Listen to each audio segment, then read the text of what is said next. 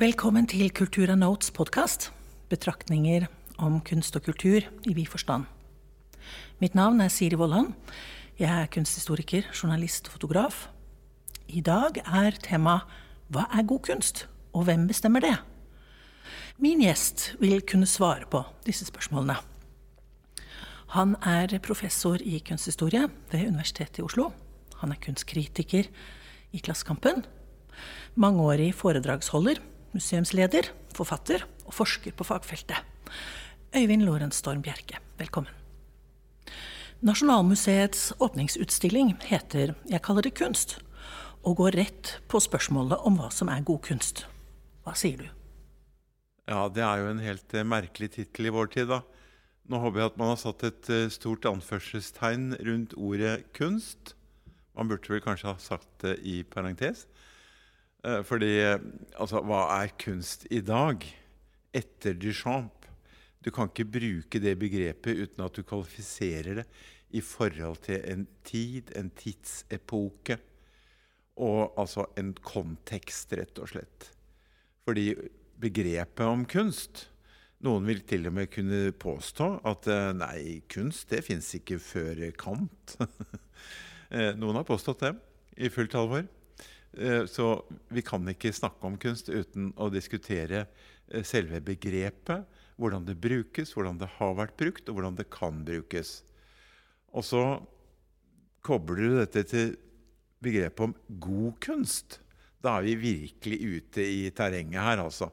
Og det terrenget det er jo det er et minefelt, bare for å være klar over det. Vi går inn i minefeltet når vi sier 'god'. Og eh, det å diskutere god kunst blir også litt en utrolig gammeldags altmodig debatt, som det heter. Gammelmodig debatt. Eh, man diskuterte i 50-tallet 50 så diskuterte man god smak. Og vi har jo veldig god smak, da. Vi har jo det. For vi har vokst opp i en tid, i hvert fall jeg, eh, hvor man var opptatt av god smak, og man skulle ha god smak. Og så har man jo etter hvert forstått, da, også i min generasjon, og ikke minst eh, vi som studerte i 1970-80-årene, at man kan ikke snakke om verken god kunst eller god smak uten å sette noen svære anførselstegn rundt de ordene. Og diskutere hva ligger i det, som du sier. Så jeg håper at det er det man skal gjøre på Nasjonalmuseet. da. Og da kan de jo begynne med seg selv. For det er klart at uh, ingen aktør i det norske kunstfeltet har de siste 100 år, og mer enn 100 år, hatt en så stor innvirkning og definisjonsmakt i forhold til de begrepene som akkurat den institusjonen. Og da håper jeg at det er det de skal diskutere. Og den diskusjonen den ville jeg jo gjerne vært med på, selvfølgelig. Eh, men jeg, jeg, tror det kan bli en veldig blodig diskusjon.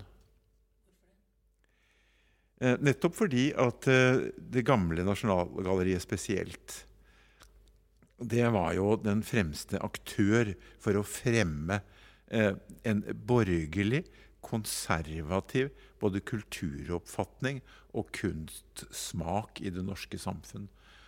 Og alle direktører som satt ved roret i denne institusjonen, frem til og med Tone Skedsmo, de hadde jo Jeg tror de følte at de hadde et samfunnsoppdrag. Og det var å være standardbærer for hva som er god smak, og hva som er god kunst. Eh, Kunstindustrimuseet eh, kan vi si det samme om, men i noe mindre grad. Det er jo Nasjonalgalleriet. Og når da man laget Nasjonalmuseet, så er det den tenkningen og den kulturen og den tradisjonen som kom fra Nasjonalgalleriet, som kom til å prege det museet veldig sterkt. Og det viste seg også at det var jo ikke mulig å løse opp den gamle måten å organisere eh, sitt eget felt på. Altså Hvis vi ser på museet som et felt. Og dermed så tok man på en måte alle de gamle institusjonene, alle de gamle holdningene, og så baket man det inn i en ny organisasjon. Istedenfor å gjøre en kritisk betraktning over den gamle institusjonen og løse dette opp og sette det i spill. Og man har ennå ikke kommet dit når det gjelder Nasjonalmuseet. Man har bygd inn de gamle tradisjonene. Og med det har de også bygd inn smaksoppfatninger inn i ryggraden, så å si, av sin nye organisasjon. Og rent fysisk i hvordan de presenterer seg gjennom det bygget og gjennom den samlingsutstillingen som de nå skal vise oss. Når skjedde, tror du, at man gikk fra å ha god smak til å begynne å snakke om god kunst? Nei, det er et veldig godt spørsmål. Uh, altså, i min verden, kan du si, og i, som jeg opplever det, uh, så skjer det bruddet radikalt utover på 1960-tallet. Det begynner på en måte da Clement Greenberg finner ut at uh, når popkunsten Da må han ta avstand, for det er ikke ordentlig kunst. det er ikke god kunst. Og, og, siden så har dette begrepet blitt mer og mer utvannet og mer og mer ubrukelig eh, som eh, begrep, rett og slett. Eh, begrepsdannelse. God kunst. Og det er jo da du får Arthur Danto, og du får institusjonsteorien om kunst, hvor det er disse aktørene i et felt som konstituerer og bestemmer etter hvert hva vi kan være enige om er ikke god kunst, men er kunst. Og dermed settes forestillingen om at kunst har noe med kvalitet i den gamle betydning å gjøre, da settes jo den også til side. Og god smak blir på en måte en anakronisme i diskusjonen om det du vil kalle den kontemporære kunsten. Tror du at god kunst er som et begrep fordi at det er en motsats til dårlig kunst? Det, det, det, spørsmålet ditt er veldig interessant på den måten at uh, for meg så går dette tilbake til en diskusjon på 1800-tallet. Uh, eh, hvor du har nokså fastlagte forestillinger om hva som er god kunst når du går inn på 1800-tallet. Uh, og normene ligger fastlagt, og idealene ligger relativt fastlagt i da de, de kunne kalle den klassiske tradisjonen, og med da antikken som selve eksempelet på hva som er forbildelig. Der ligger normene. Og så kan kunsten i dag i større og mindre grad gjenspeile disse klassiske normene. Men så kommer da et brudd, og det bruddet kommer eh, i filosofien med en Hegel-elev som skriver om det heslige. For da kommer dette begrepet å bli formulert om det heslige kunsten. Det ligger der som en kime allerede på sent 1700-tall med diskusjonen rundt det sublime. Men det sublime er ikke heslig i den betydning det ordet får utover på 1800-tallet. Uh, og i dag så kan du gjerne si det slik at uh, å si at noe er vakkert, det er jo nesten nedsettende i et kunstfelt. Så nå er denne diskusjonen, og det snur rundt på 1880-tallet, 90-tallet. Uh, ta Edvard Munch, f.eks. Altså, hans bilde 'Skrik' det er det statement i norsk kunst hvor du går fra å akseptere som god kunst også det som er skjønn kunst, til å også innbefatte hessligheten og det heslige. Og det er det bildet uh, hvor det virkelige bruddet kommer.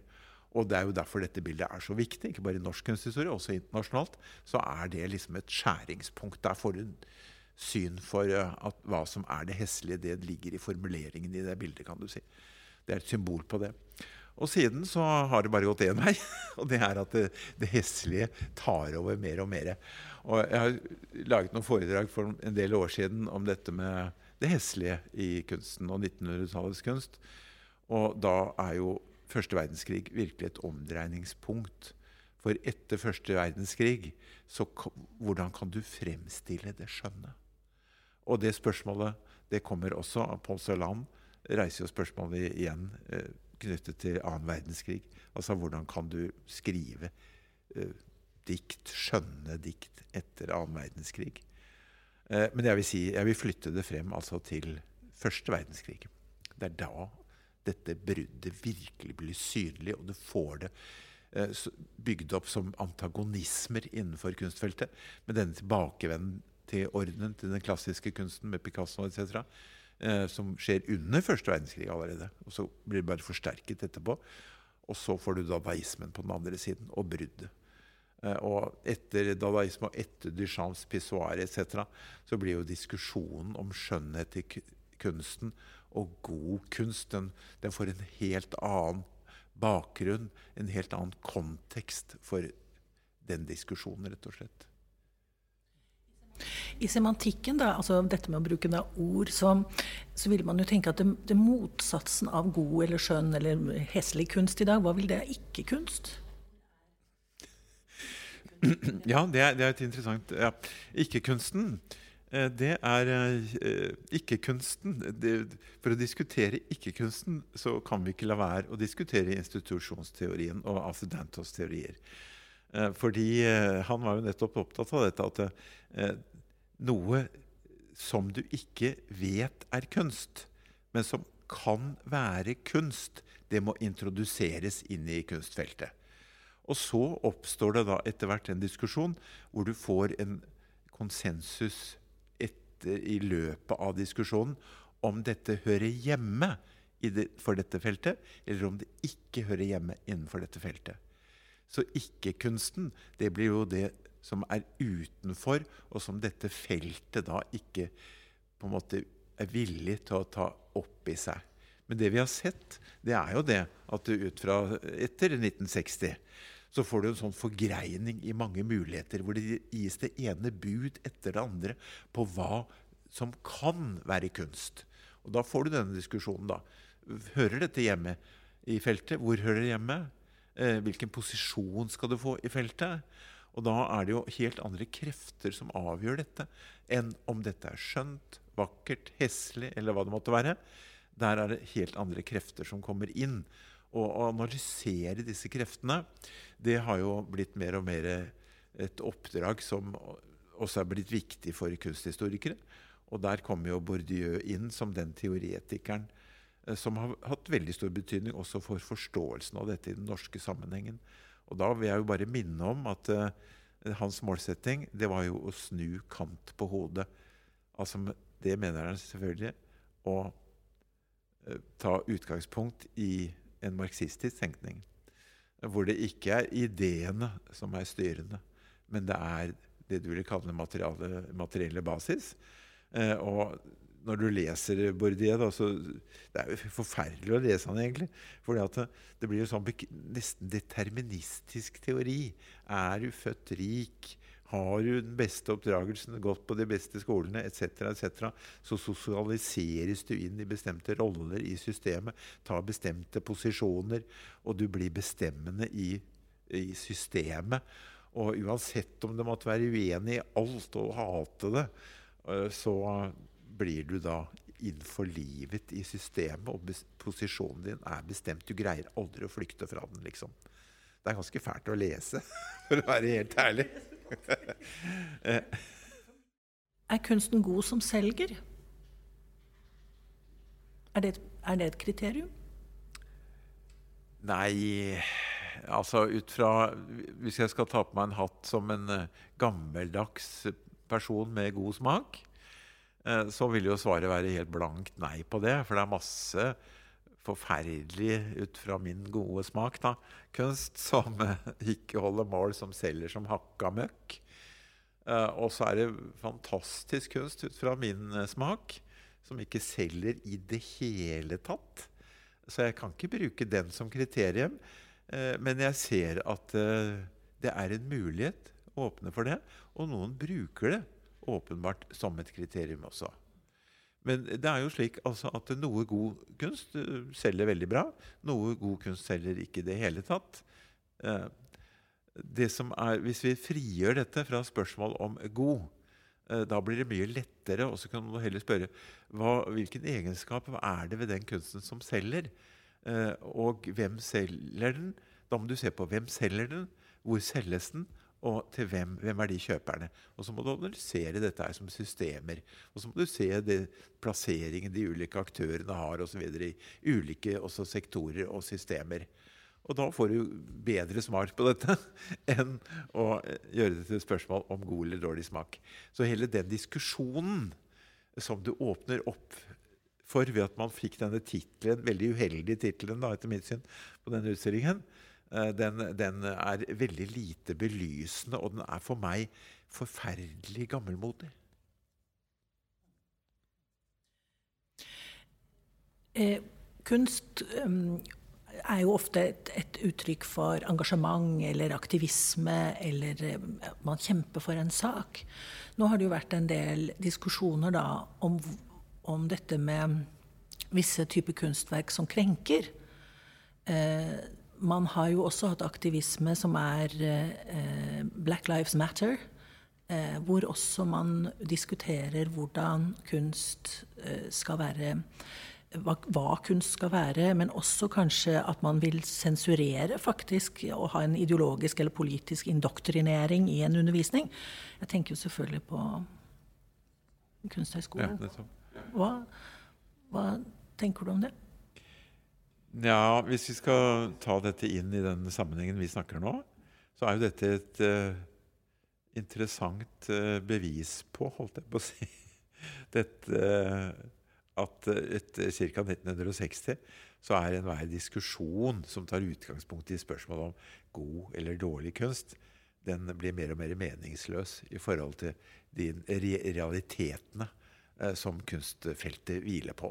Og og det ser jeg med bakgrunn i det at uh, den form for tenkning rundt kunst som uh, da formuleres på seint 1700-tall, hvor Kant og Hegel osv. er de store tenkerne da, som ligger i bunnen her, og den estetikken og diskusjonen rundt estetikk som løper da fram til kan du si, uh, den analytiske filosof Arthur Danto og sosiologen Bourdieu, og da er vi innenfor det tidsspennet som sent 1700-tall, ca. 1960. Så ser du jo da at eh, diskusjonen, eh, straks du legger til side begrepet om god eh, kunst, og en kunst som en gitt standard, hvor det ligger i selve begrepet at dette er kvalitet. Fordi at det er kunst. Og begrepet kvalitet og kunst det henger sammen. Og det er nesten synonymt for noe, at noe er en kunst. Fotballspiller, f.eks. Ja, scoring, ja, det er stor kunst. Det ligger jo en kvalitetsvurdering i selve begrepet. Men det har vi altså da forlatt. Og eh, Hva var spørsmålet Aktivisme. Aktivisme. Og dermed så åpner du opp sant, for en flodbølge av kunst som forankrer seg i et helt annet sted f.eks. i det politiske feltet. Eh, og dermed har du aktivisten selvfølgelig også. Eh, fordi at aktivismen bygger jo på et verdensbilde som igjen er forankret i en analyse eller en forståelse, en følelse eh, som springer ut av møtet med noe i samfunnet som du kan gi din tilslutning, eller som du tar avstand fra. Kvaliteten på, når det gjelder aktivistisk kunst, den må jo måles ut fra om den får gjennomslag eller ikke. Ja, altså effekten. effekten. Og, og, da er du et helt annet sted og diskuterer helt andre ting.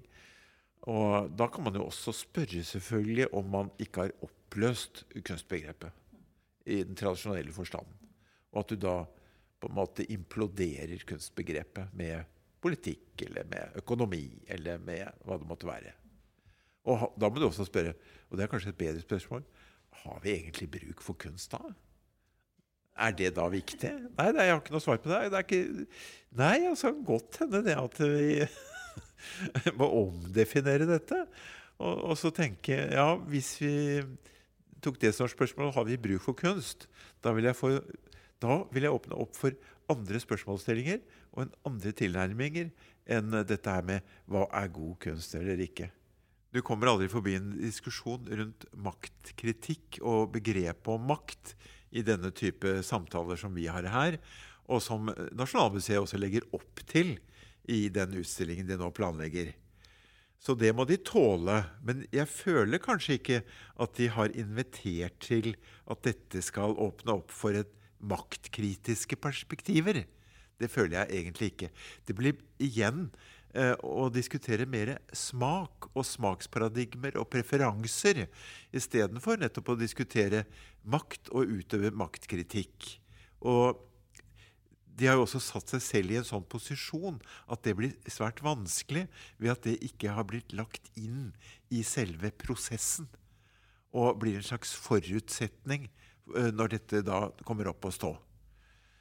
Eh, å utøve maktkritikk er uh, ubehagelig, og det du gjør selvfølgelig når du er en maktperson og inviterer til det, så risikerer du å få sagd av grenen du selv sitter på. Man snakker ikke om penger. Eh, penger? Nei, og penger, det er makt, som vi vet. The golden rule. det er penger. Og det, altså, nå lever vi i et kapitalistisk system, og det kapitalistiske system har jo på en måte vært dominerende og er dominerende nå. og markeds, Gjennom markedsliberalisme og markedstenkning. Det, det, er overalt. Altså, det er i det gamle Sovjet. Det er borte der. Der er, der er det makt. Der er det markedstenkning som hersker. Og til og med i Kina så er det markedet bestemmer. Eh, og en liten, kort periode så trodde noen da, at bare man løste opp på alle, og markedsliberalisme får eh, lov til å bre seg over hele verden, og kapitalismen, da vil kapitalismen bli det enerådende system. Og med kapitalisme følger også demokrati. Det har vist seg å være feil, faktisk. Dessverre, kan man si. Sånn er det. Men nå lever vi under kapitalismen. Og der er det profittmotivet, den drivende kraft. Og der er også slik at eh, enhver handling, enhver gjenstand, enhver prosess Du kan brekke den ned til et spørsmål om penger. Og sirkulasjon av penger, oppbygging av budsjetter. Og hvis den linja som kommer til slutt i det regnskapet, at den er rød, da må du gjøre noe. Fordi det er profitten og profittmotivet som er drivkraften i systemet. Og det kan vi mislike. Det liker jo jeg veldig dårlig, da. Men det er viktig å erkjenne det. Og, da, og skal, for, en forutsetning for å erkjenne det er å snakke om det og begynne å samtale om det og sette det på begrep. Og eh, da må vi snakke om penger. Og eh, da må vi snakke om kunst og penger og kunsthandel osv. Da er vi inne i en slik diskusjon. Og da må vi snakke om eh, hvordan kunsten sirkulerer. For det er jo sirkuleringen av kunst, enten det er innenfor museumslandskapet, eller det er innenfor kunsthandel, eller hva det måtte være. Det er den sirkuleringen som genererer eh, penger, og som ender opp i en profitt til slutt. Hvis det bare ligger stille, så skjer ingenting rundt det. Og da har det ingen økonomisk verdi heller. Eh, det, er først når det kommer i sirkulasjon, at du utløser den økonomiske verdien. Tusen takk. Mye å tenke på.